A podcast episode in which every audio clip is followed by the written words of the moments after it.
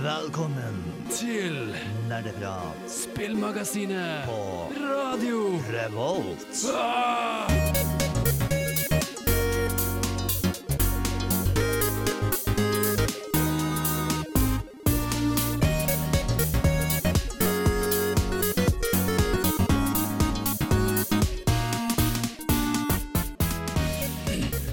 Hallo, hallo, og hjertelig velkommen til nok en sending med Radio Revolts kuleste program.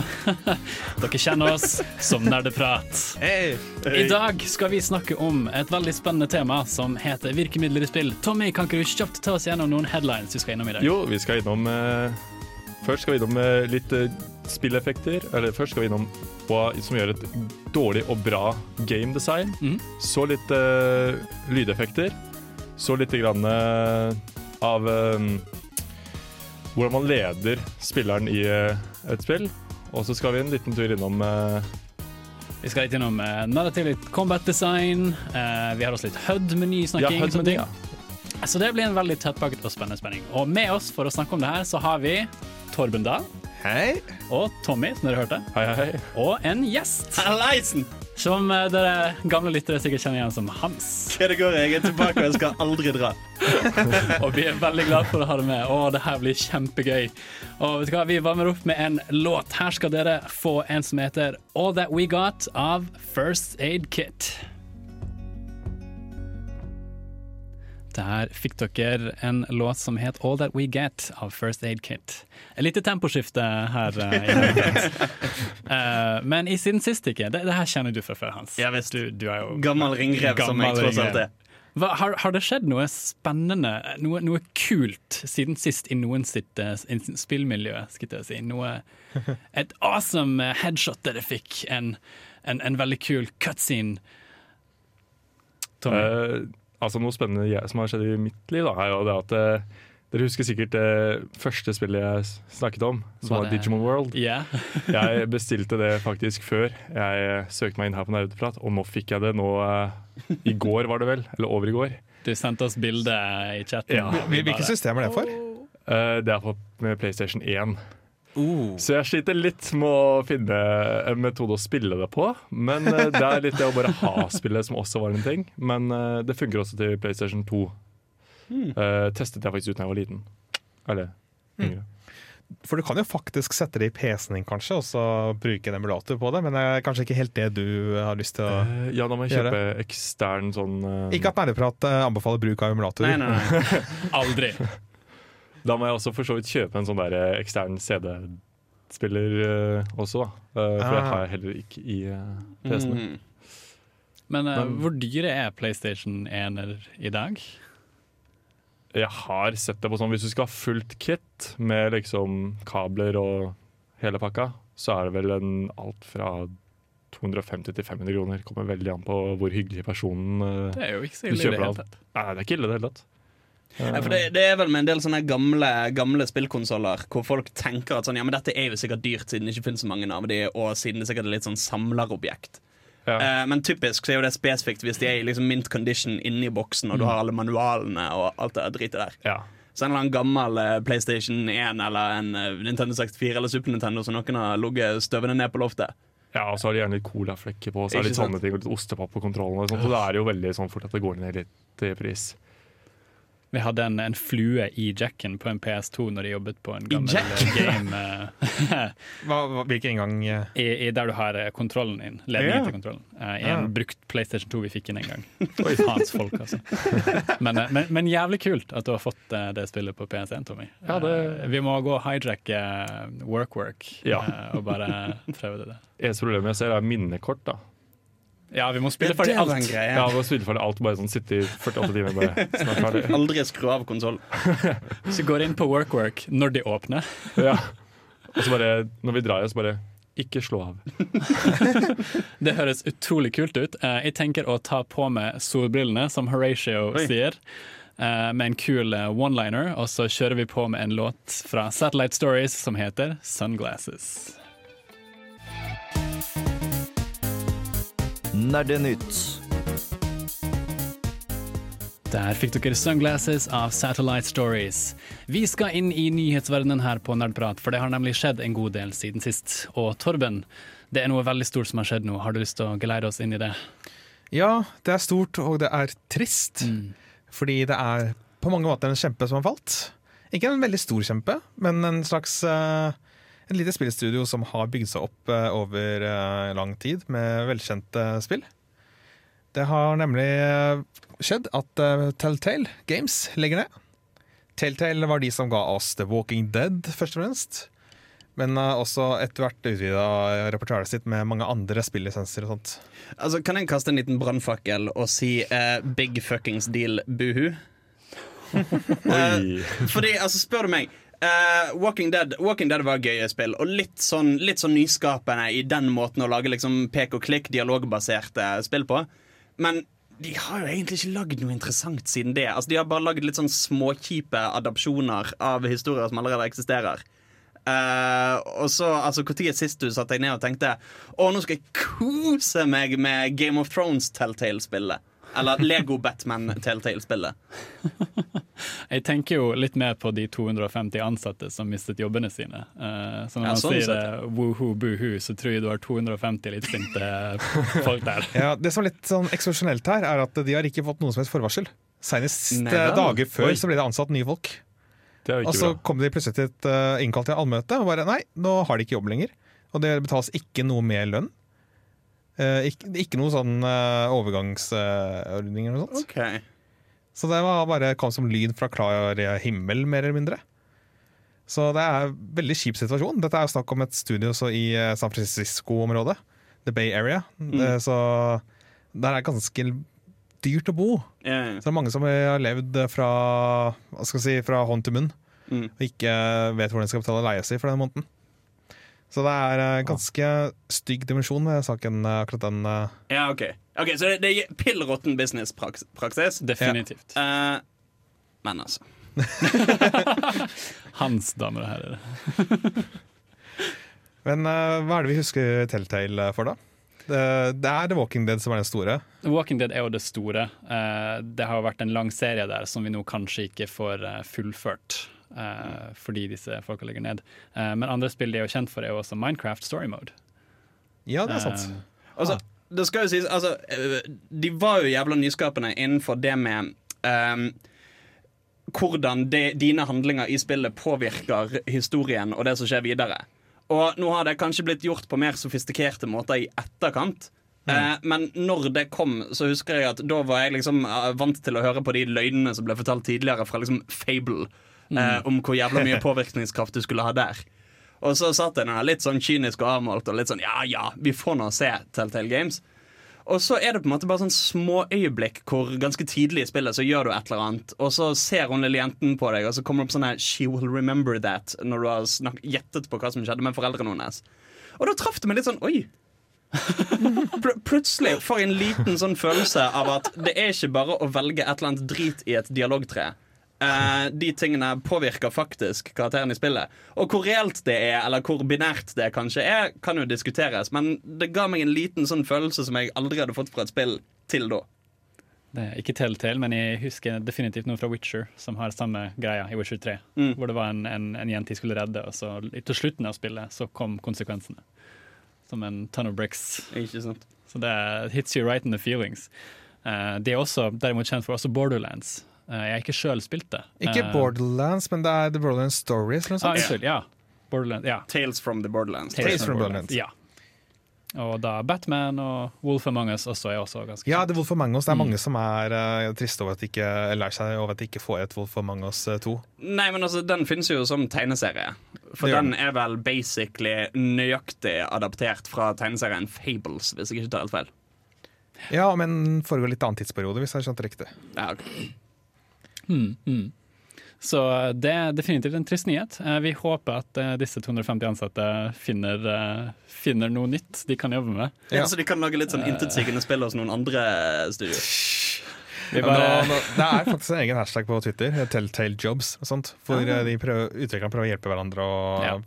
finne muligheter og sånn. Det syns jeg er utrolig bra gjort. Eh, jeg håper at de finner ut av det. Jeg ønsker dere alt det beste. Her skal vi bryte opp med litt musikk på Nerdeprat. Du skal få høre 'Wanna Be Your Man' av Profit. Du hører på Radio Revolt og Nerdeprat. Der fikk du 'Wanna Be Your Man' av Profit. Vi har fortsatt nyheter å snakke om, og her skal vi bevege oss mot en Netflix-nyhet. Stemmer ikke det, Torben? Jo, det stemmer. Det er, eh, det er kanskje kjent med en tidligere animasjonsserie som heter Avatar The Last Airbender. Gikk tidligere på Nickelodeon, visstnok. Eh, den får nå en live action-adaptasjon eh, som Netflix står innenfor. Og Det som er så kult, er at det her har ingenting med Shyamalan å gjøre. Mm. For Shyamalan laget jo en adaptasjon om Avatar The Last Airbender eh, i 2010. Eh, som fikk eh, veldig mye kritikk. Eh, ingen likte den. Eh, den har 6% approval rating på Rotten Tomatoes. som sier litt. Altså, jo, altså, jeg er jo ikke så fan av tegneserien Eller altså, tegnefilmserien i utgangspunktet. Og jeg syns den filmen var slakting av originalmaterialet. Det som er så kult her, er at du har de originale skaperne, eh, Konietzko og Di Martino, yep. som skal stå bak denne live action-serien, som da plukker opp etter den originale tegneserien og følger da Ang videre. Altså, det eneste, det eneste jeg blir gående og lure litt på, er altså, hvem er dette for, egentlig? Hmm. Fordi altså, altså det, det, tenker jeg at altså, de, som er, de, som er, fans av uh, den serien i utgangspunktet, uh, de vil jo ikke ha dette. Uh, fordi uh, de er jo redd for at noen hvorfor, skal Hvorfor vil de ikke ha det? Fordi de har sett hvordan det har skjedd før. De så hvordan det gikk når um, Shyamalan gjorde det. De har sett hva Netflix har gjort med Death Note og Bleach og en del andre ting når de driver og lager uh, live action-adopsjoner av det. Så jeg kan jo ikke se for meg at folk går rundt og tenker at dette blir jævla fett. Ja, altså, jeg er jo litt enig med deg. At det, det er veldig risikabelt med tanke på at det allerede har gått galt én gang. Og mm. så mm. Ikke bare har det gått galt med den, men det har gått galt med veldig mange andre, som du sa, med Death Note og sånt. Og det er litt sånn Men skulle de følge Ang uh, i liksom uh, det som skjer etter serien, eller var det i Ja, etter, etter serien. Da er jeg veldig spent på hva de egentlig kommer til å gjøre med det, fordi ja. Definitivt. Det er jo mange av uh, comic-bøkene som tar opp det som skjer etterpå. Ja. Som følger bl.a. hvordan Zuko, da en karakter i serien, finner ut hva som skjedde med moren hans og ja, diverse sant, andre konflikter basert på et, etterkrigstiden da, eh, med The Fire Nation. Ja, for du har jo også den der serien med at uh, hun Legend of Cora, som også er en serie, som også følger opp etterpå. Ja, det er jo da en god del tid senere. Men uh, Torben, du hadde ja. mer til oss. Jeg har flere nyheter. uh, jeg tenker først kanskje en som ikke Vi fortsetter litt i det triste sporet. Eh, men eh, det er eh, komponisten bak Final Fantasy-musikken, blant annet. Nobu Uematsu. Mm. Har sett seg nødt til å ta en pause. Å oh, nei. Han har rett og slett blitt utmattet, eller hva heter det, utbrent. Mm. Etter å ha jobbet veldig hektisk over lang tid. Han, over lang tid. Forever, basically. Men altså, Har han lagd for de gamle spillene? Har han holdt med serien helt siden begynnelsen til nå? Det kjenner jeg ikke helt uh, til. Men han uh, har uh, jobber nå sist med Final Fantasy 7-remaken. Uh, yeah. Om musikken der. Men han har laga posta på bloggen sin og beklager liksom at han tar, må ta pause. Mm. Det er første gang så tar han pause helt til nyttår. Oi. Det kan hende at han blir nødt til å ta det lengre. Men han ønsker rett og slett bare å komme i komme seg på beina igjen og være i helt uh, god helse før han Men går i gang igjen. Si, hvor krise er dette egentlig? For det er, jo ikke, det er jo ikke snakk om at han sitter og spiller livemusikk hver gang noen fyrer opp Final Fantasy 7. på en måte Nei. Men uh, det er da kanskje de må finne andre komponister da, til ja. prosjektet som har vært gående. Er det bare jeg som syns det er rart at her har du en japaner som må ta seg pause for å være overarbeidet? Det er jo på en måte Jeg tror det er fryktelig av... fryktelig vanlig i Japan, faktisk. Men, ja, men de, ja. jeg vet ikke om det er så vanlig å ha privilegiet å kunne ta den pausen. da mm. Nei Så han er heldig sånn sett. Mm. Eh, jeg har en siste nyhet. Det er en uh. Men også en litt sånn, sånn uh, teit sak. Ah, right. Fordi uh, Kjenner dere til hvordan Sony, deres innstilling på kryssplattformspilling Å oh, ja, Fortnite! ja. ja. Mm, mm, Fordi at uh, både Fortnite og uh, Rocket League og sånt har hatt løsningene klare for at PlayStation-spillere skal kunne spille med Xbox-spillere, Nintendo-spillere, PC-spillere. Ingen problemer. Annet enn Sony, som sitter her og er en kødd. Yep. ikke tillater dem å koble systemene sammen. Altså, jo til og med det dritet som var for en stund siden, hvor hvis du kobler deg på PlayStation med brukeren din på Fortnite, så funker ikke den på noen andre plattformer. Riktig. Men uh, nå har Facebook tatt uh, til fornuften, slash gitt etter for presset. De uh, har allerede nå lansert en beta for å kunne spille på Fortnite på kryss av plattformer. Og det ventes også å komme til andre spill etter hvert. Det høres utrolig deilig ut. Endelig kan alle spille sammen. det har liksom aldri skjedd før. Men Utrolig at det skulle ta så lang tid. Da. Ja. Jeg føler det var sikkert en god del penger inne i bildet. Eh, Men de sa det at de måtte bruke litt tid på å analysere businessen i det der. Ja, jeg tenker det. Uh, vi tenker å gå litt videre med en låt, uh, fordi etterpå skal vi gå inn i temadelen vår, hvor vi skal begynne å snakke litt om virkemidler i spill, litt spilldesign, og litt hovedsakelig uh, hva gamedesign er, og hva som gjør et bra eller dårlig gamedesign. Før det skal dere få høre Nina Fresa av The Oh Mice her på Nerdeprat. Der fikk du høre låten Som heter så mye som Nina Fresa av The Oh Mice.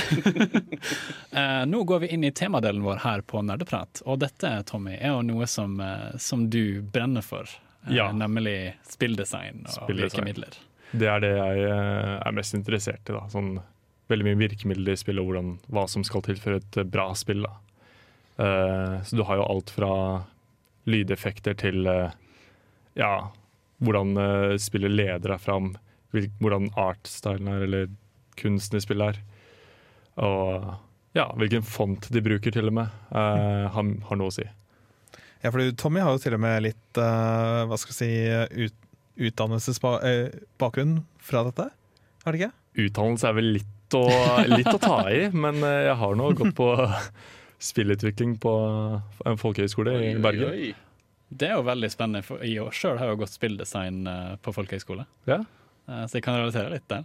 Det er jo, det er jo litt utdanning. Det jo Ja, altså Du lærer jo av det, det gjør du jo absolutt.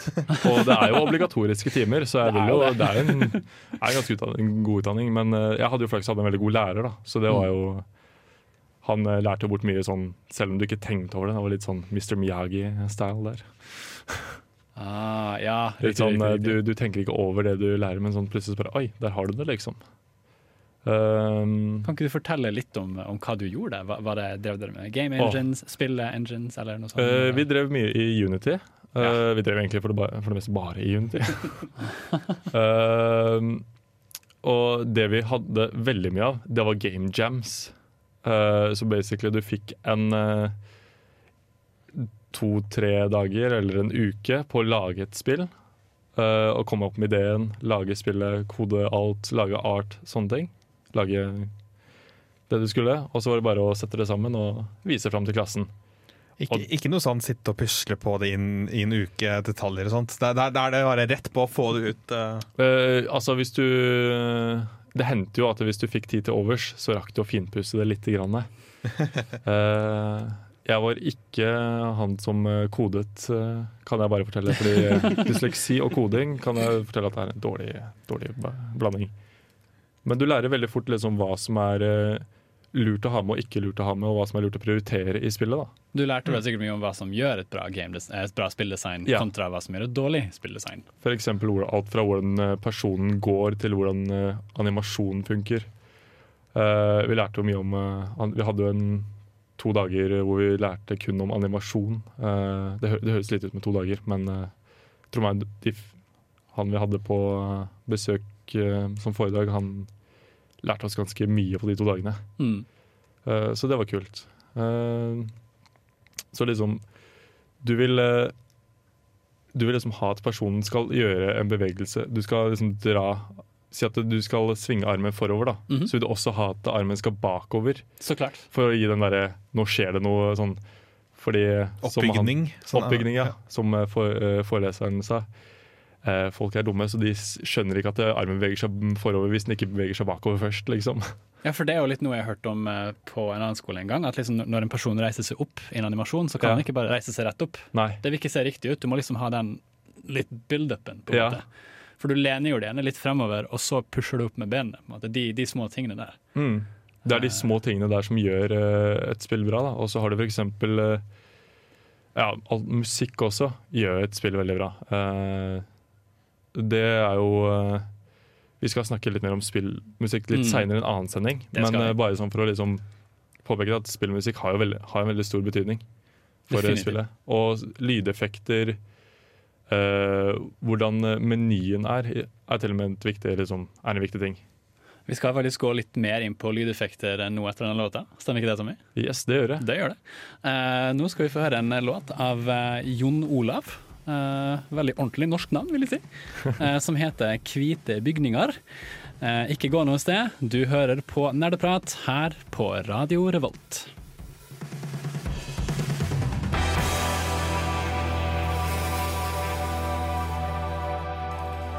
Der hørte dere Jon Olav med låten 'Hvite bygninger'. Vi har snakket litt om spilldesign, eh, hørt litt om Tommys bakgrunn med det her, og hvorfor dette er noe han brenner for. Eh, og går nå inn i å snakke litt om lydeffekter og liksom lydkontentum i, i spill og diverse. Ja. Eh, kan ikke du lede oss litt inn i det, Tommy? Jo, altså Lydeffekter er jo kanskje Jeg føler ikke at folk tenker over det så mye som for eksempel eh, si eh, Kjempe liksom Hvordan du Combat style, da, eller combat design. Mm. Uh, men liksom uh, Du har eksempel der hvordan folk går i uh, spill, Mhm. som jeg syns er kjempeinteressant. Fordi oh, den, ja. jeg har aldri tenkt så sykt mye over det før jeg startet på den skolen, når jeg fikk vite om det her. Men når du går Altså, forskjellen på lyden på f.eks. grus og gress, veldig viktig. Og en ting som er veldig viktig, er at du har den der pitchen, at du liksom du endrer litt på lyden. ja. Det er ingenting som, er, som du kan legge til merke til mer enn hvis det er samme nøyaktig samme Ja. lyden som spilles hver, hvert fotsteg. Ja. det, det, det, det låter ikke bra. Men du, jeg husker jo også det i liksom eh, for lenge siden når jeg spilte Halo 1. Ja. Eh, og da var jeg vant til at det alltid hørtes likt ut. Og det å da høre at sånn Oi!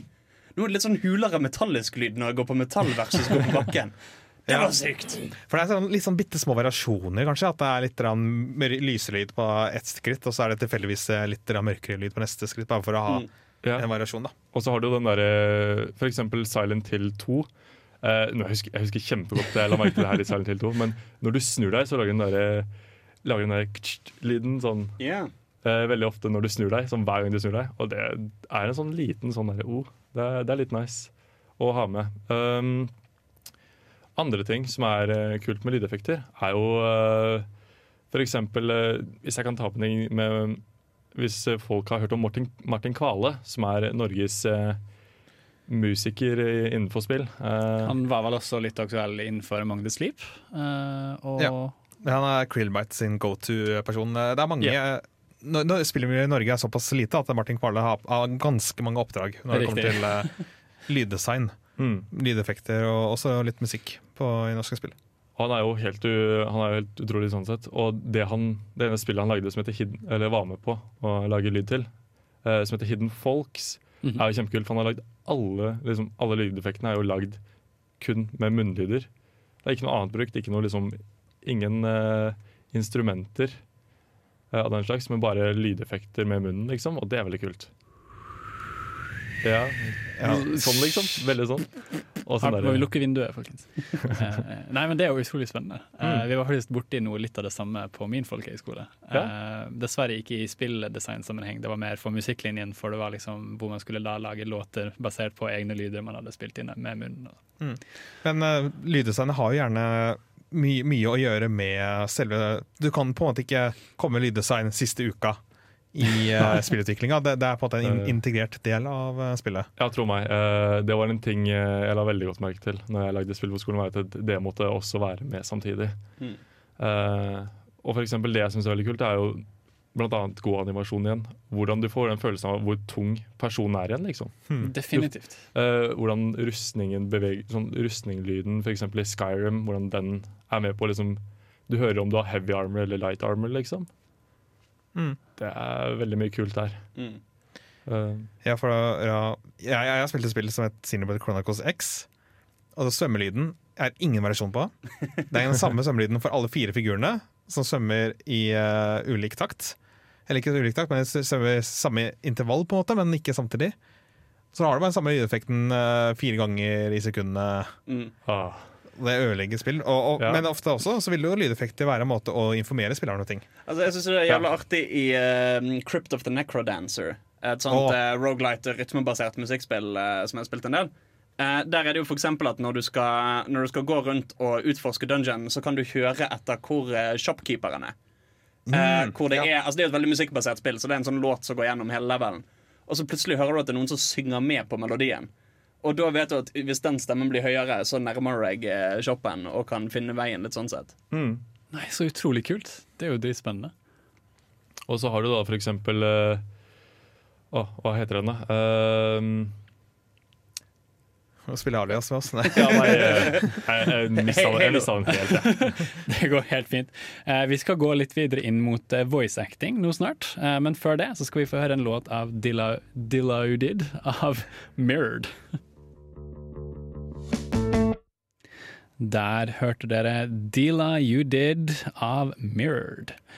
Vi skal gå videre til å snakke litt om stemmeskuespill her på Nerdeprat. Eh, og Tommy, eh, hvorfor er stemmeskuespill så viktig når vi snakker om virkemidler i spilldesign? Altså, det er jo det som gir deg eh, feelingen, eller følelsen av karakteren. Da. Du får jo veldig sånn ah, Du får et kjennskap til karakteren når de snakker og ja, forteller sin historie, f.eks., og sånne ting. Så det er jo veldig viktig at den er litt eh, Den er ganske på punktet, da. At den er veldig ja, Jeg syns den er viktig. Men Ja, altså, jeg, jeg føler også at Stemmeskuespill er en sånn ting hvor hvis det er dårlig, så er det veldig merkbart. ja. Hvor på en måte, altså Bra stemmeskuespill er vel og fint, det, men med en gang det ikke er helt eh, på, så blir det veldig sånn Oi, her er det noen som har sittet med en Singstar-mikrofon eh, på gutterommet og prøvd å Ja, altså Nå skal jeg være litt, jeg skal være litt forsiktig med hva jeg sier nå. Ikke prøve å Oi. gjøre alle illsinte. Men jeg syns ikke voice-actinga i eh, Horizon Zero Dawn Det er et veldig fantastisk spill ellers, men voice-actinga syns ikke jeg er så bra. Etter å ha spilt det nå i to-tre uker. mm. Syns ikke det var like on point som resten. Eh, også Skyrim har litt sånn uh, vibber av litt dårlig eh, voice acting, altså stemmeskuespill her og der. Og det, det synes godt, altså. I used to be an adventurer like you. Then I took an arrow to the knee. Men uh, er, det, er det noen andre Jeg har ikke spilt Horizon Zero Dawn, uh, eller Skyrim, faktisk. Er det noen andre som har spilt det? Altså, jeg har ikke spilt de, men uh, jeg merket det veldig under Breath of the Wild. Ja, de snakker jo litt om Zelda der, gjør de ikke det? Ja, fordi altså der er jo greien at det er liksom første Zelda-spillet med voice acting. Ja. Og da kunne de faen meg investert i litt bedre voice acting. Når det er liksom en treen hvor de faktisk gjør det. Sant? Ja, ja, Når det skal liksom være litt sånn monumentalt. Litt sånn, nå folkens, nå gjør vi det skikkelig her. Og så litt «Eh, Link! Eh, vi er beste fitcannen! Så det var helt sånn krisedårlig. Ja, altså Men over til et spill som har faktisk ganske god uh, voice acting, syns jeg, da. Er jo da selvfølgelig God of War. Jeg kan ikke utelate det. Mm. Men stemmen til Kratos og bare alt der er så on point med stemmene, syns jeg. De har virkelig investert i det, føles det ut som. da Altså Spesielt stemmen til Kratos. Hallo, den er jo Altså, den er minneverdig som bare det. Men jeg vet hvertfall, hvert fall, vi, vi nevnte jo nå at uh, Breath of the Wild er det første Zelda-spillet med Mm. stemmeskuespill. Og inntil da så har, har Nintendo på en måte bare hatt uh, omtrent uh, tekst som kommer opp. Mm. Kanskje litt lydeffekt Litt som kommer sånn med. Mm. Hvordan, uh, hvordan ser for oss det? Eller det er på en måte litt en uh, struggle, eh, eller en uh, kamp der mellom å ha voice og ha stemmeskuespill og å ikke ha stemmeskuespill. For det er på en måte, jeg ser fordeler og ulemper med begge. Altså, tenk, altså Det former jo uttrykket på spillet, tenker jeg. Ja. Hvor uh, den Nintendo-varianten som har vært lenge med bare sånn skrollende tekstbokser eh, Da trenger en ikke ha litt sånn, like sånn cinematisk cutscene-fokus på det. Nei. Eh, da kan på en måte en slippe unna med at karakterene bare sånn står og ser på hverandre, og så trykker du gjennom bokser. Mens med en gang det kommer voice acting inn i bildet, så ville det vært jækla tosje. Eh, hvis det bare sånn står rett opp og ned foran meg sånn This displeases me greatly. Uh, liksom I am so angry right now. ja, sant. Det går jo også videre inn på dette med å ha en silent protagonist. Mm. Eh, så, hvor hvor alle andre sier noe, men helten sier ingenting. Ja, det det syns jeg er litt rart iblant, hvis alle snakker bortsett fra helten. Det er jo Ja. ment for at liksom du som spiller kan kunne sette det inn i helten da, Mm. og gi den mer personalisering. Uh, men, uh, men noen ganger blir det litt merkelig, egentlig. Ja, altså, Det er jo en ting som er med i f.eks. Skyrim. Og, men igjen, det føles veldig vanlig, fordi igjen, uh, der har du den tekstbaren hvor du svarer, og så svarer de igjen. Mm. Ja. Men det er litt sånn Ja, det gir jo en forskjellig atmosfære, da, uh, ut fra hvordan man har valgt å gjøre det. Og der, der ser du òg at det kan fungere dårlig. Altså For eksempel i Fallout 4, er det vel. Så endret de hvordan det fungerer. Hvor Tidligere så får en presentert en boks med de faktiske replikkene du svarer med. Mm. Så du kan liksom velge er det dette jeg har lyst til å si, dette jeg har lyst til å si, mm. dette jeg har lyst til å si. Så uh, erstatter de, de det med et system hvor du bare får sånn stikkord uh, for hva du svarer på ting. Nettopp for, for, at du ikke skal ha lest replikken før den kommer? Ja, så typ eh, en eller annen NPC sier et eller annet til deg, og så kan du velge å svare sint, sarkastisk, eh, trist, unnskylde deg.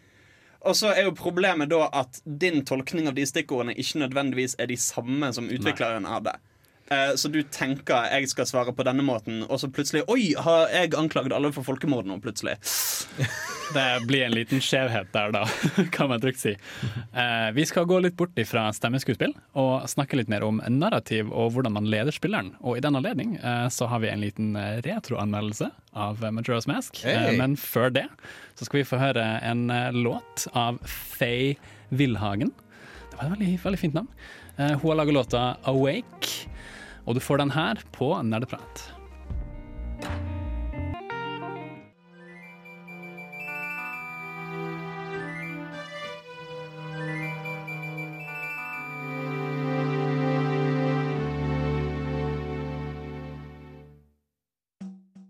Eventyrspillet Legend of Zelda Majora's Mask ble utgitt av Nintendo til Nintendo 64-konsollen i april i år 2000 og er etterkommeren av det sagnomsuste Ocarina of Time, som ble utgitt knapt to år tidligere.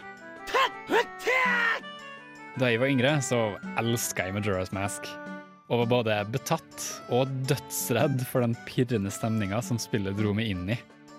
Den revolusjonerende 3D-grafikken var jo det beste på sin tid. Og jeg husker tydelig når åtte år gamle TM satt oppe seint om natta for å spille forgjengeren Ocarina of Time hvor de måtte inn i et stort tre og bekjempe den onde edderkoppdronninga, queen Guma. Over tida så har Majora's Mask blitt en desidert folkefavoritt i spillmiljøet. Og dette reflekteres i antall iterasjoner som spillet har fått opp gjennom årene. Spillet så sin første gjenutgivelse på GameCuben i 2003, og ble deretter utgitt på Virtual Console til både Wii og Wii U for så å oppleve sin utgivelse igjen på den håndholdte 3DS-konsollen i 2015 med fullstendig modernisert grafikk. Og apropos grafikk. Hvis vi sammenligner grafikken til Majora's Mask med andre spill som ble utgitt på omtrent samme tid, som ikke har holdt seg så bra Sonic Adventure. Så kan vi hevde at Majora's Mask har bestått det vi kaller for the test of time.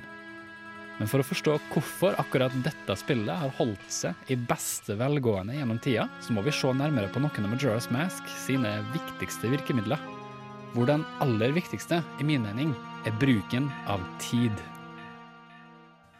Designvalget om å ha en glisende måne hengende over spillverdenen som truer med å ødelegge alt som eksisterer innen tre dager, det er ganske merkbart. En jævla stor og creepy måne! Har dere sett den, eller? Og dette skaper en illusjon av hastverk. Det fungerer som en drivende kraft som leder spilleren fremover. Eller for å skape en åtteårings verste mareritt. Når du i tillegg har en verden befolka av innehavere som gradvis innser at livene deres er i ferd med å ende, hvor du som spiller får innsyn i de daglige livene deres gjennom å interagere med dem, så ender du opp med en urokkelig overbevisende spillopplevelse som bare griper det og gir deg lyst til å ville redde landet Termina og deres maktesløse innbyggere fra den grusomme skjebnen som venter dem. Det skal dog sies at Majora's Mask ikke er perfekt. Nintendo har lenge vært skyldig i å gjøre bossene sine uskadeligbare når spillet mener at vi ikke skal kunne skade dem. I både Majora's Mask og forgjengeren var dette her smertefullt synlig, og noe som jeg syns var til tider tåpelig. Hvorfor skal jeg ikke kunne få skade bossen med mindre spillet tillater meg? Om det er en liten kritikk jeg har til et ellers imponerende spill, så er det nok det. Du kan ikke sammenligne den kantete nesa til Nintendo 64 Link fra 1998 med bakenden til Tomb Raider-heltinna Lara Croft nå 20 år seinere i 2018. Fordi det er ikke grafikken som var det viktigste, men nemlig hvordan Majora's Mask skapte en sans av bemyndigelse som retta spilleren mot et hensiktsmessig mål. Og fordi det var jævlig kult å ri rundt på en hest og skyte ting med pil og bue. Dette tror jeg er nøkkelpunktene som har sørga for å holde liv i Majora's Mask i nesten 20 år alt. Og jeg har sterk tro på at spillet vil holde seg i mange, mange år til fremover.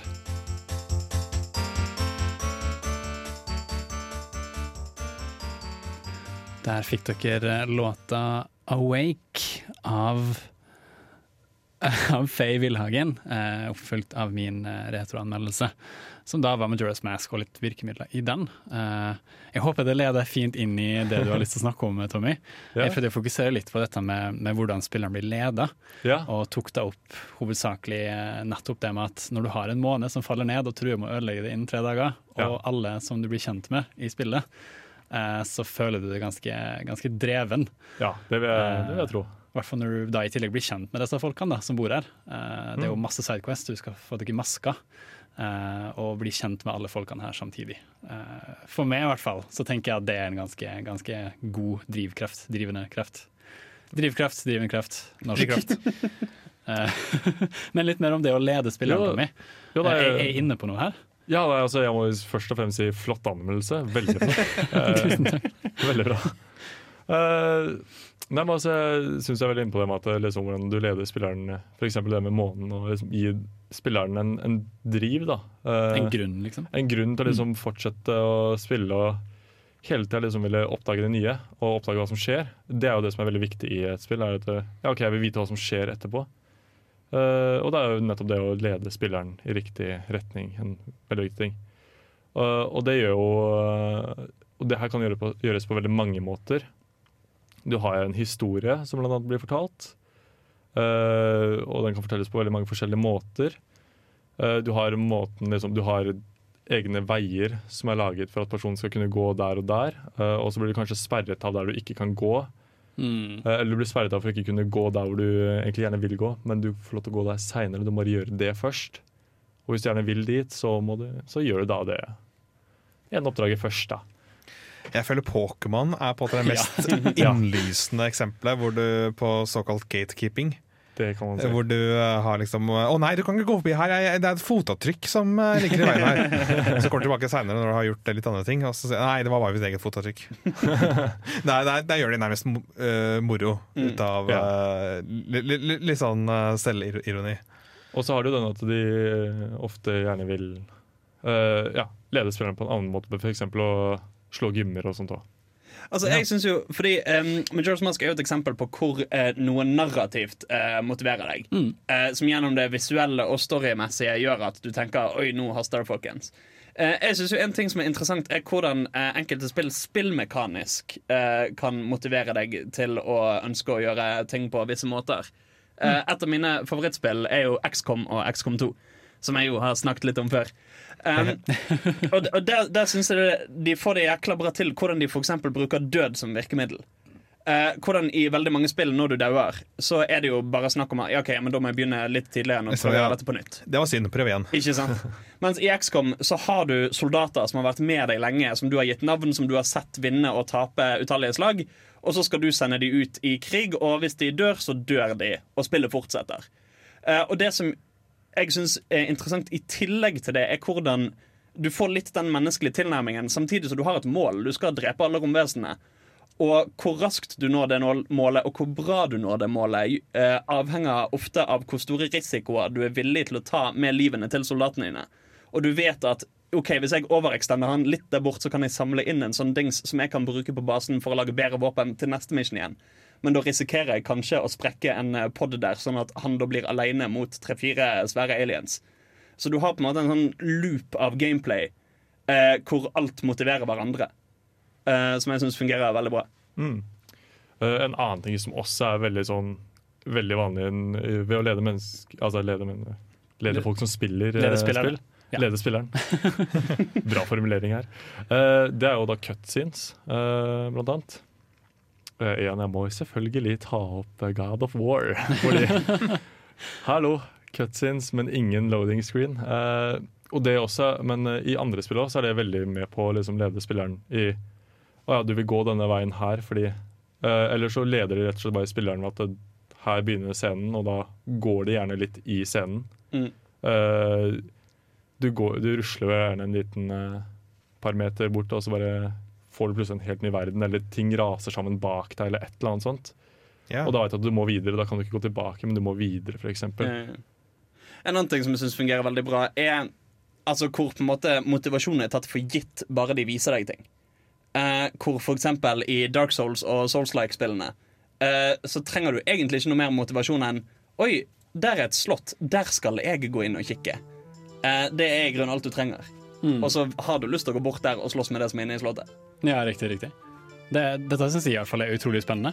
Uh, å lede spilleren er jo på en måte den, det mest viktigste i spillet, nesten. Fordi hvis du ikke har lyst til å spille det, hva, da, da får du ikke opplevd noe som helst. Uh, vi tenker å gå litt eh, videre i den sendinga. Uh, vi skal snakke mer om combat design. Men før det skal du få høre litt temamusikk. Her får du Song of Storms etterfulgt av Steldas House. Der fikk du remixer av Song of Storms og Seldas House av Will and Tim og DJ Cutman respectively. Eh, Vi skal gå videre til å snakke mer om spillmekanikk her på Nerdeprat. Eh, For det er jo ikke alle spill som har bra spillmekanikk. Eh, Eller hva, Tommy? Nei, uh, det er det ikke.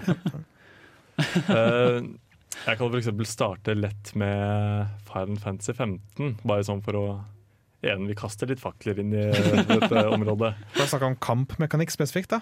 Ja, Kampmekanikk er jo da at liksom For eksempel på Final Fantasy så er det veldig du holder inne knappen, og så bare venter du på at folk rundt deg dør. Og så Det syns jeg er en sannhet med modifikasjoner. Uh, altså, altså Det som er interessant med Final Fantasy, og hvordan de har prøvd å modernisere uh, sin kampmekanikk, er jo at de har jo gått fra turbasert til mer og mer realtime. Ja, Ja. Eh, og det som, eh, det som de gjorde for eksempel i Final Fantasy 12, som eh, jeg synes var ganske kult, er at du hadde det de kalte for Gambit-systemet. Hvor du basically drev og programmerte karakterene. Ja. Sånn at du hadde liksom sånn slotts, og så kunne du si at eh, angrip den eh, nærmeste fienden. Eh, hvis du ser at en eh, av teammatesene dine har under 30% HP, bruk en healing potion på dem. Eh, bruk eh, den og den spellen hvis du ser at dette og dette skjer. Hvis noen er stunned, gjør du sånn og sånn. Og så etter hvert så blir det en del av levelingen. At du Ja. kan få tak i nye måter å programmere teamet ditt på. Føler Final Fantasy 15, selv om det kanskje ikke fungerer så veldig bra, for jeg syns det blir litt kjedelig å holde inne B eh, i eh, to minutter. ja. Eh, selv om det kan føles litt langtekkelig, så ser jeg på det som bare enda et steg i Final Fantasy sin utvikling av kampsystemet sitt. Det går inn på det å lage macros, husker jeg når jeg spilte MMOs. Eh, som da blir disse små kodene du lager sjøl for eh, shortcuts hit og dit til alle mulige skills osv. Mm. Eh, som går litt inn på det. Nei, også En annen ting er jo det med at eh, i eh, Final Fantasy 15 så har du også den der at du eh, kan jo kaste våpen og slenge deg opp på yeah. disse bygningene og sånne ting. Uh, Men igjen, jeg har spilt gjennom det, og jeg syns det er veldig uh, rotete måte å gjøre det på. Jeg syns det var veldig rotete. Liksom, det var ikke veldig Det var ikke veldig mykt og soft å liksom gjøre det. da Det var ikke veldig fluently, uh, og det, det er litt trist. Mm. For det ødelegger litt eh, Det ødelegger veldig sånn Ja, Det ødelegger litt stemningen når Ja, spillet på en måte ikke er nytbart eh, på en veldig så, så viktig måte. mm. Jeg lurer litt på Nå hopper vi rett inn i eksempler og sånt. Uh, sånn spillkampmekanikk generelt. Hvordan eh, er det Hva er hovedkategoriene? Hva er eh, på at det overordnede teorien? Holdt på å si. Altså, jeg vil jo si at altså, innenfor, liksom, I hvert fall innenfor real time, hvor eh, du må trykke på knappen for at noe skal skje, eh, så har du grovt sett at dette skal bare se fint ut og flyte fint, eh, og dette skal være krevende. Hvor du på en måte har eksempel spill som Batman-spillene og det nye Spiderman-spillet til PS4. Hvor eh, du basically autolåser deg på fiendene, og det eneste du egentlig må passe på, er å ha en OK rytme på når du matcher, trykke Y innimellom for å gjøre et litt annet angrep. Og så går det stort sett av seg sjøl. Yeah. Eh, på den andre siden så har du spill som eksempel Dark Souls-spillene. eh, Monster Hunter, Fury, en del veldig sånn kampfokuserte spill. Hvor det handler om at du må faktisk lære deg å slåss. Du må lære deg hvilke knapper som eh, gjør hvilke typer angrep. Hvor, eh, hvor lang load-up-tid det er på de forskjellige angrepene. At det faktisk er litt sånn eh, high risk, high reward på de angrepene som gjør mer liv med at da blir du faktisk låst til en animasjon i noen minutter. Og du må på en måte beregne de tingene om hverandre, lære deg å dodge på riktige tider og sånn. Ja. Eh, hvor det er et mer direkte forhold mellom hvor god du er, og hvor gode resultater du får. Ja, og så har du jo den der med at du eh, i Mortal Kombat og Tekken for eksempel, eh, hvor du da må lære deg Du må trykke et visst sett med knapper. Ja, for, For å ta komboene. Ja, øh, og igjen, det er jo også en veldig kul ting. øh, fordi da må du liksom faktisk lære deg oppskriften på hvordan å gjøre det, så å si. da. Mm. Det er litt kult. Ja. Jeg kom til å tenke på Bajonetta. Ja. Ja, spesifikt uh, Bayonetta 2 som jeg har spilt, men jeg antar mye av det gjelder for Bajonetta 1. For der også har du det at eh, det ser stilig ut. Du kan button mashe, og har du på liksom middels eller eh, lett eh, vanskelighetsgrad, så kommer du gjennom eh, uansett hva du gjør. Men det er et dag dypere, hvor du kan prøve å holde komboer gående over lang tid. Ja. Så da er, det, er det på en måte begge deler, at du har den dybden til å, et utfordrende kampsystem. Ja, jeg, jeg vil jo også si at Det er ikke nødvendigvis sånn at det ene er bra og det andre er dårlig, men at Nei. det på en måte har å gjøre med hva du egentlig vil få ut av det. Hva, hva det skal bli av alt sammen. Helt enig. Eh, Vi skal bevege oss eh, i siste delen av eh, temadelen vår. Siste delen av temadelen. Eh, Vi skal snakke mer om meny og UI og litt sånn grafisk design. da. Før det skal du få høre en låt av Minula som heter Cape Town her på Radio Revolt. Minula med Cape Town her på Radio Revolt. Du hører fortsatt på Nerdeprat, og vi skal snakke om meny og brukergrensesnitt. Grafisk brukergrensesnitt. altså kalt graphic design og UI, det der på engelsk.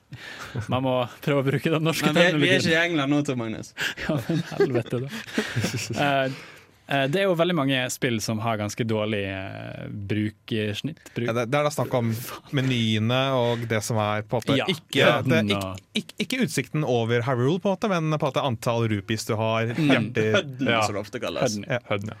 Eh, og det, det som, dette utgjør jo hvor, hvor på en måte fint spillet ser ut, da, gjør det ikke det, Tommy? Jo, uh, det, gjør- altså det her er jo det, du, det første du ser i spillet, så å si. Uh, for du går inn i spillet, går, kommer inn på menyen og tenker ah, nå skal jeg starte spillet. Men hvor ille er det ikke når alt er rotete og det ser Mm. helt jævlig ut?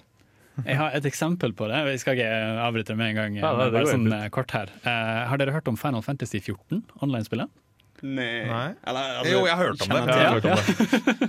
uh, når, de først, når Square Enix først slapp eh, Final Fantasy 14, så var det et eh, rotete mess. Altså Det var helt, helt ute og kjørte. Uh, det hadde ikke vært ordentlig samkjør i utviklingsprosessen, og når de skulle til å produsere det og satte sammen alle bitene, så fant de ut at oi, shit, det her går ikke. Men vi må, vi må, gi, vi må gi det ut. Eh, og når de ga det ut, så fant de ut at eh, brukergrensesnittet her var helt ubrukelig. Det var tungvint, eh, mange menyer inni menyer inni menyer, eh, og litt av måte, historien til eh, fordi det, det, Jeg har sett en dokumentar på Noclip da, som Yes. forklarer det her. Eh, Bra de- dokumentar, forresten. ja, fantastisk bra. Som forteller på en måte litt om hvordan Final Fantasy 14 eh, ble gjenskapt mens de da holdt det originale Final Fantasy 14 gående. Eh, anbefaler å sjekke ut det når dere har tid. Eh, men det var absolutt et eh, godt eksempel på en, en, en veldig dårlig gjort eh, grafisk eh, eh, design. Jeg skal gi et kjapt lite eksempel om et eh, annet dårlig eh, grafisk design-øyeblikk. Ja. hvor eh, du har Mario Party 8, eh, som da har menyen sin. Og når du skal velge liksom, hvilket eh, spill du skal, eller minispill du skal spille, og så har du fem tekstfonter på forskjellige steder uh, i hele stedet, det er ikke bra. Samtidig så er det da snakk om hvordan det ser ut, da, og det designet. Men det, var fortsatt forståelig, og du kunne kjenne hvor du, hvor du skulle, hva, hvordan den ting, menyen fungerte. ikke sant? Ja, uh, For du, du, har, liksom, du har brukbarhet. Det handler om eh, hvor lett du forstår det. Og så har det, det selve designet og sånt, og det er hvordan det ser ut, og estetikken og sånn. ja. Altså Et spill som jeg syns gjør en jævla god jobb på det her, er jo uh, Monster Hunter-spillene. Um, for det er jo uh, altså litt sånn her eh, JRPG-type spill hvor du har uendelige mengder med forskjellige items uh, som du skal holde styr på. Alt, alt mulig fra bomber og feller og diverse potions og ting du må bruke underveis for å bli kvitt statseffekter, og det er veldig mye å holde styr på. Ja. Og da er det òg et spill av den typen som ikke går an å pause. Eh, Når du spiller, så spiller du, og hvis du bruker for lang tid på å liksom manage items, og alt det der, eh, så risikerer du å bli spist. Så det de har tatt og gjort, da, er at du har um, liksom en sånn uendelig rekke med hurtigtaster, da, nesten. Hvor eh, Hvis du holder inne én tast, så kan du fortsatt bevege deg med ene styrespaken, og alle de andre knappene går da til eh, inventory management. Og da eh, på en måte sykler du deg gjennom eh, itemsene du har framme i en sånn hotbar. Og så kan du med den andre styrespaken velge ulike rotasjonshjul hvor du kan velge items. Og de har på en måte prøvd å komprimere alt sammen eh, inn i at det så enkelt mu mulig skal kunne gjøres mens du er på farten. Og, og det er sånn Det ser litt sånn tungt tilgjengelig ut når en kommer i gang. Eh, men når en først får det innunder huden og venner seg til å bla gjennom de menyene, finne liksom sweet spoten på hvor liker jeg å ha healing-itemsene mine, og sånn, så føles det så forbanna flytende og deilig ut å bare seile gjennom alt sammen. Men vi har jo også gode eksempler. Eh, Det er altså veldig godt eksempel. Men altså andre, andre gode eksempler, mener jeg. Herregud. Andre gode eksempler. Du nevnte jo Persona 5 her tidligere. Eh, Persona 5 har jo vært helt sinnssykt nyskapende fin eh, Altså Folk cosplayer som menyene i Persona 5. Virkelig? Er det, er det Ja, en ting? eh, Ja. det, det, det Oi. er så pent, liksom. Nei, men de vant. Jeg tror de også fikk eh, Eller de var i hvert fall nominert til eh, Game of the Year-awarden for eh, grafisk design, eller designet i mm. Og artstyle, tror jeg. Hmm. Mm. bare fordi det ser jo så sykt pent ut. I fjor så var de nominert til det, og jeg husker ikke om de vant, men ja. Hmm. Hold med oss. Vi skal gå bort ifra temadelen og inn i ukas utfordring her på Nerdeprat, eh, som ikke har skjedd på en stund. Eh, før det så skal vi høre en låt av Gorilla Toss eh, som heter 'Magic Is Easy'. Jeg håper dere sitter komfortabelt, kjære lyttere. Dette her skal bli spennende. Følg med oss.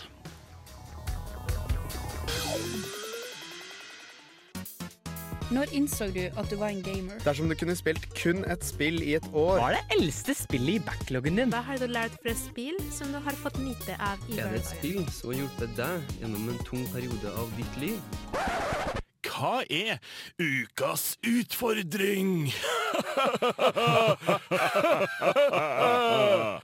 Ja, der hørte dere eh, låta 'Magic Is Easy' fra Gorilla Toss. Og nå går vi inn i ukas utfordring her på Nerdeprat. Oh, nei. Noe som vi ikke har så altfor ofte.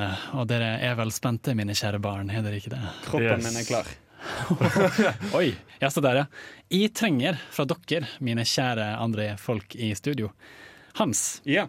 fra det trenger jeg en spillskurk. Tommy, fra det trenger jeg en sjanger. Okay. Torben, Yeah. fra det trenger jeg et daglig gjøremål.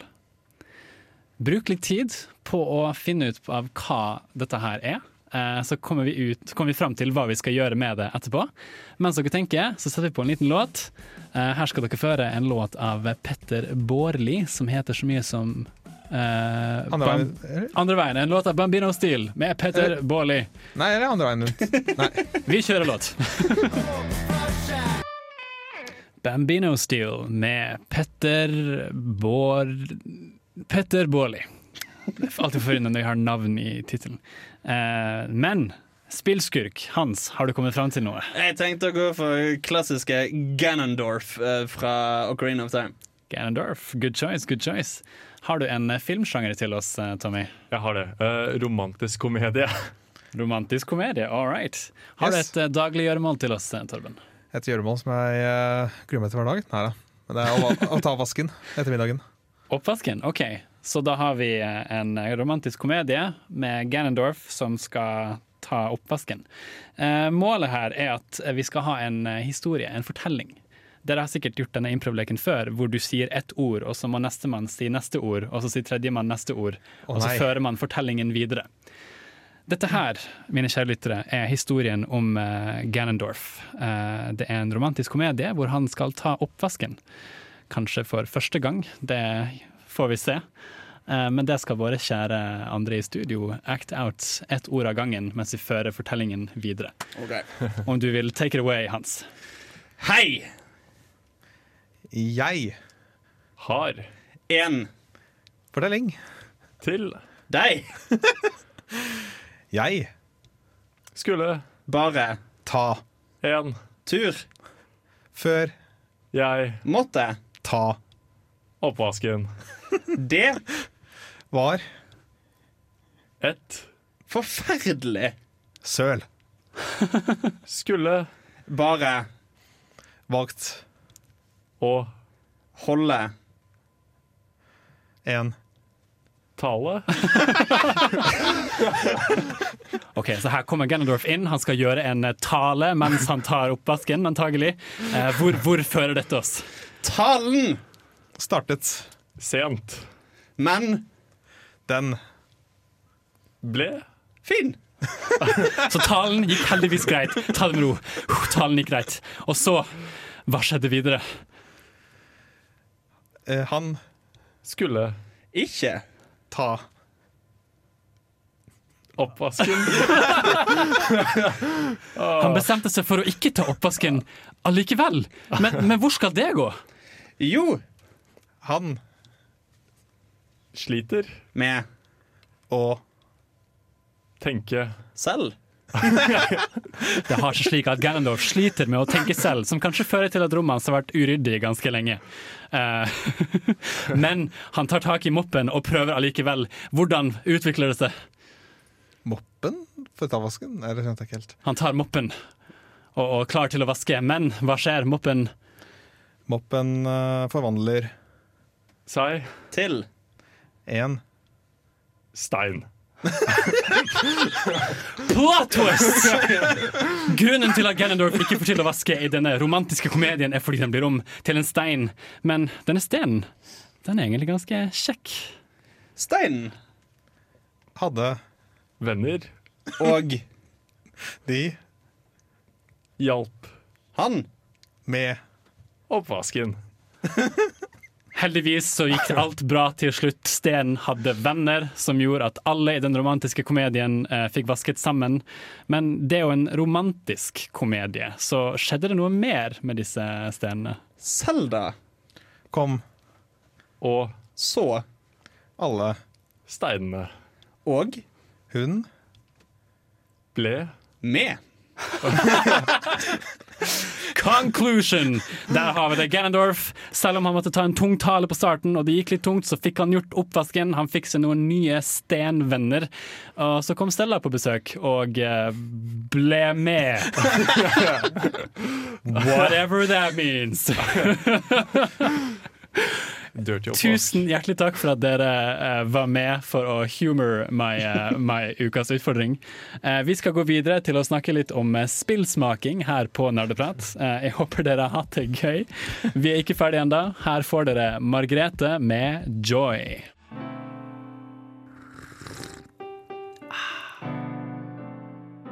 Ukas spillsmak.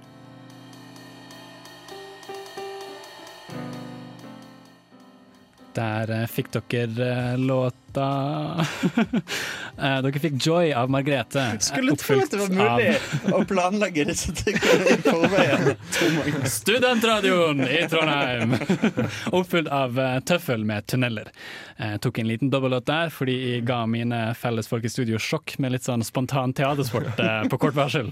Så neste stikket skal alle bare snakke samtidig. Ja, nei, det blir rotete. Eh, jeg tenkte at jeg skulle få lov å puste. Eh, ukas spillsmak eh, kommer vi inn på nå her i Nerdeprat. Eh, vi har jo spilt litt ting og sett litt spennende greier i det siste. Eh, eh, nå er jo du eh, her for første gang under dette stikket, Hans. Yeah. Eh, har du eh, spilt noe spennende eller sett noe spennende som du har lyst til å dele med yeah. våre lyttere? Jeg fikk meg en artig liten taste på et spill for noen dager siden, nemlig betaen på Black Ops 4 sin Battle Royale-modus. All right. Og det var, det var en veldig positiv overraskelse. Fordi jeg tenkte jo, altså For det første, jeg har ikke brydd meg om Call of Duty på sikkert ti år. Um, men eh, så tenkte jeg at eh, nå har eh, Black Ops eh, og Call of Duty bare kastet seg på den siste trenden. Dette må jo bare være en sånn åpenbar eh, cash-in. Og det er det sikkert òg. Eh, men det var dritgøy. Eh, altså for det er Mange av disse Battle Royale-spillene, særlig de store, som PubG og Fortnite, yeah. er enten litt sånn Enten ikke helt for meg, eller så føles det uferdig. Eh, for Fortnite synes jeg blir litt for eh, tegnefilm og litt for mye Jeg liker den byggingen det, så det har jeg aldri likt helt.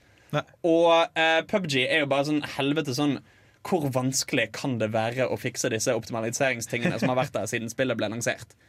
Eh, hvor jævla lang tid tok det ikke før, du, eh, før de fant ut hvordan du skulle klare å klatre over ting? Eh, det er liksom en del sånne ting som tar idiotisk lang tid. Og så kommer Call of Duty-folkene. Det er vel Treyarch eller Infinity Ward. Nå husker jeg aldri hvem det er som lager de spillene. Um, som bare tenkte Vet du hva, fuck it, nå viser, de, vi, nå viser vi dem hvordan proffene gjør det.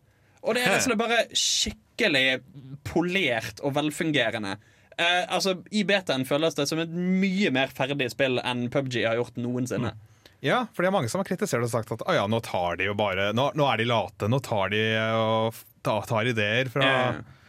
Men, men, men det er faktisk lagt inn veldig mye sje, Ikke sjelen Ikke, men i altså, altså, jeg tror ikke vi skal legge for mye så, uh, artistisk integritet inn i det. For det, det, det tror jeg ikke det er. Det, her tror jeg rett og slett har sittet og tenkt at her ligger pengene. Eh, og så lager vi det. Men det er jo rett og slett bare det at de er så flinke. De har en spillmotor som fungerer allerede. De kan gjøre det. Uh, og slenge det på som en ekstra spillmodus, og så er det dritbra. Og det føltes jækla bra. Eh, veldig velrealisert. Eh, altså, det virker ikke som bare sånn venstrehåndsarbeid. Det virker veldig bra gjort, at de faktisk har tenkt litt maps og hvordan våpendrops og sånn skal fungere, og så føles det jævla bra. Ja, for det, det er på en måte ikke tredd ned over huet på Call of Duty. De, de, de har gjort masse tilpasninger og Ja. sånt for å Ja. Og det funker dritbra. Nice. Eh, Jeg tenkte jeg bare skulle nevne et spill jeg har vært borti uh, for litt siden. Uh, vi Hva fikk eh, det er det nye Tomb Raider i, i hus. Shadow of the Tomb Raider. Ja, vi, har, vi har en uh, fyr i kollektivet som er veldig glad i nye spill. Spiller den. Eh, jeg må si at det var faktisk sykt pent. Det var overraskende pent. Uh, veldig flotte cutscenes, syns jeg. Er det, Eh, er det det tredje av de nye? eh, Ja, jeg For det tror det. Tomb Raider, Ja. Rise of the Tomb Raider, og så Ja. dette? Jeg skal innrømme at jeg kan ikke mye om Det Tomb høres riktig ut. Ja. Men jeg syns spillet så veldig pent ut av Mm. det jeg har sett. Og det, det virket veldig kult. Eh, Jeg har ikke spilt noen av Tomb Raider-spillene selv, så det er litt sånn eh, Litt det for hva jeg kan si og ikke si, men uh. Ja. Apropos rekkefølgen, som Kotaku fortalte, du må først ha Rise of the Tomb Raider for å ha Tomb Raider, for så å kaste en, en skygge, som da blir Shadow of the Tomb Raider. Ja, uh, Sjøl så vil jeg gjerne komme med en, en serieanbefaling, uh, som er litt uvanlig i nerdeprat.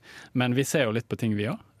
og eh, siden vi snakket om Avatar tidligere, The Last Airbender, så har det kommet en ny serie på markedet som heter The Dragon Prince på Netflix. Oi. Som folk tror kan bli den neste eh, Avatar, The Last Airbender. Er det også animasjonsserie? Det er en animasjonsserie, ja. Eh, hvor de er, er 3D-animert. da. Eh, så grafikken kan virke litt hakkete til tider. Det er på en måte min eh, eneste kritikk til det. Men så langt så har de faktisk ganske solide karakterer. Eh, Mm. En veldig kul eh, jente som snakker skotsk. Eh, veldig mange sånne kule særpreg. Ja. Eh, og jeg har sett serien nå ferdig. Den har noen tolv-ti episoder, åtte kanskje, på Netflix.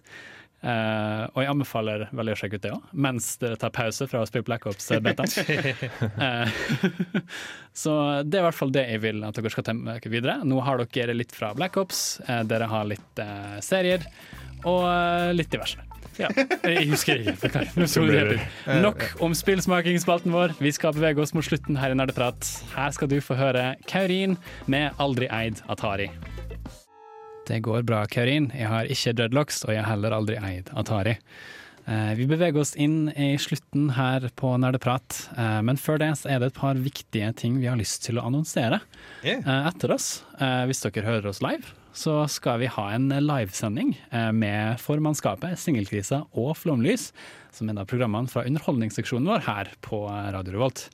Og de skal sende live fra Den gode nabo Yes. på Bakklandet. Satser på god stemning derfra. Tror det blir veldig god stemning. Uh, vi skulle ønske vi kunne springe over dit. Uh, det, det kan vi dessverre ikke. Jeg har også lyst til å springe over til samfunnsmøtet som pågår nå, om eh, nybygget. Ja, for der skal det jo bestemmes forslag om hvordan det nye bygget skal se ut. I hvert fall diskutere. Ja, Så hvis du er student og hører på oss live og ikke er nede på Samfunnet og har lyst til å prøve å være med og bestemme det, løp! Løp ned, det har begynt allerede! Du er for sein! Løp! Eh, en annen liten ting er at vi er snart på Spotify. Ikke riktig ennå. Vi har annonsert at vi er der, men vi er faktisk ikke der. Men, men vi er snart der, så, så bare hold på hatten.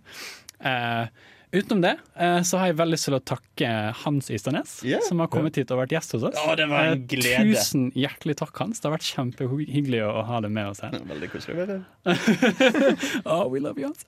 Uh, tusen hjertelig takk for oss. Du har hørt oss snakke om virkemidler i spill i dag, og spilldesign, og det har vært vår glede å underholde det. Og vi håper du fortsatt lytter til oss og videre på livesending og Filmofil senere. Ha det bra for oss i Nerdeprat. Ha det!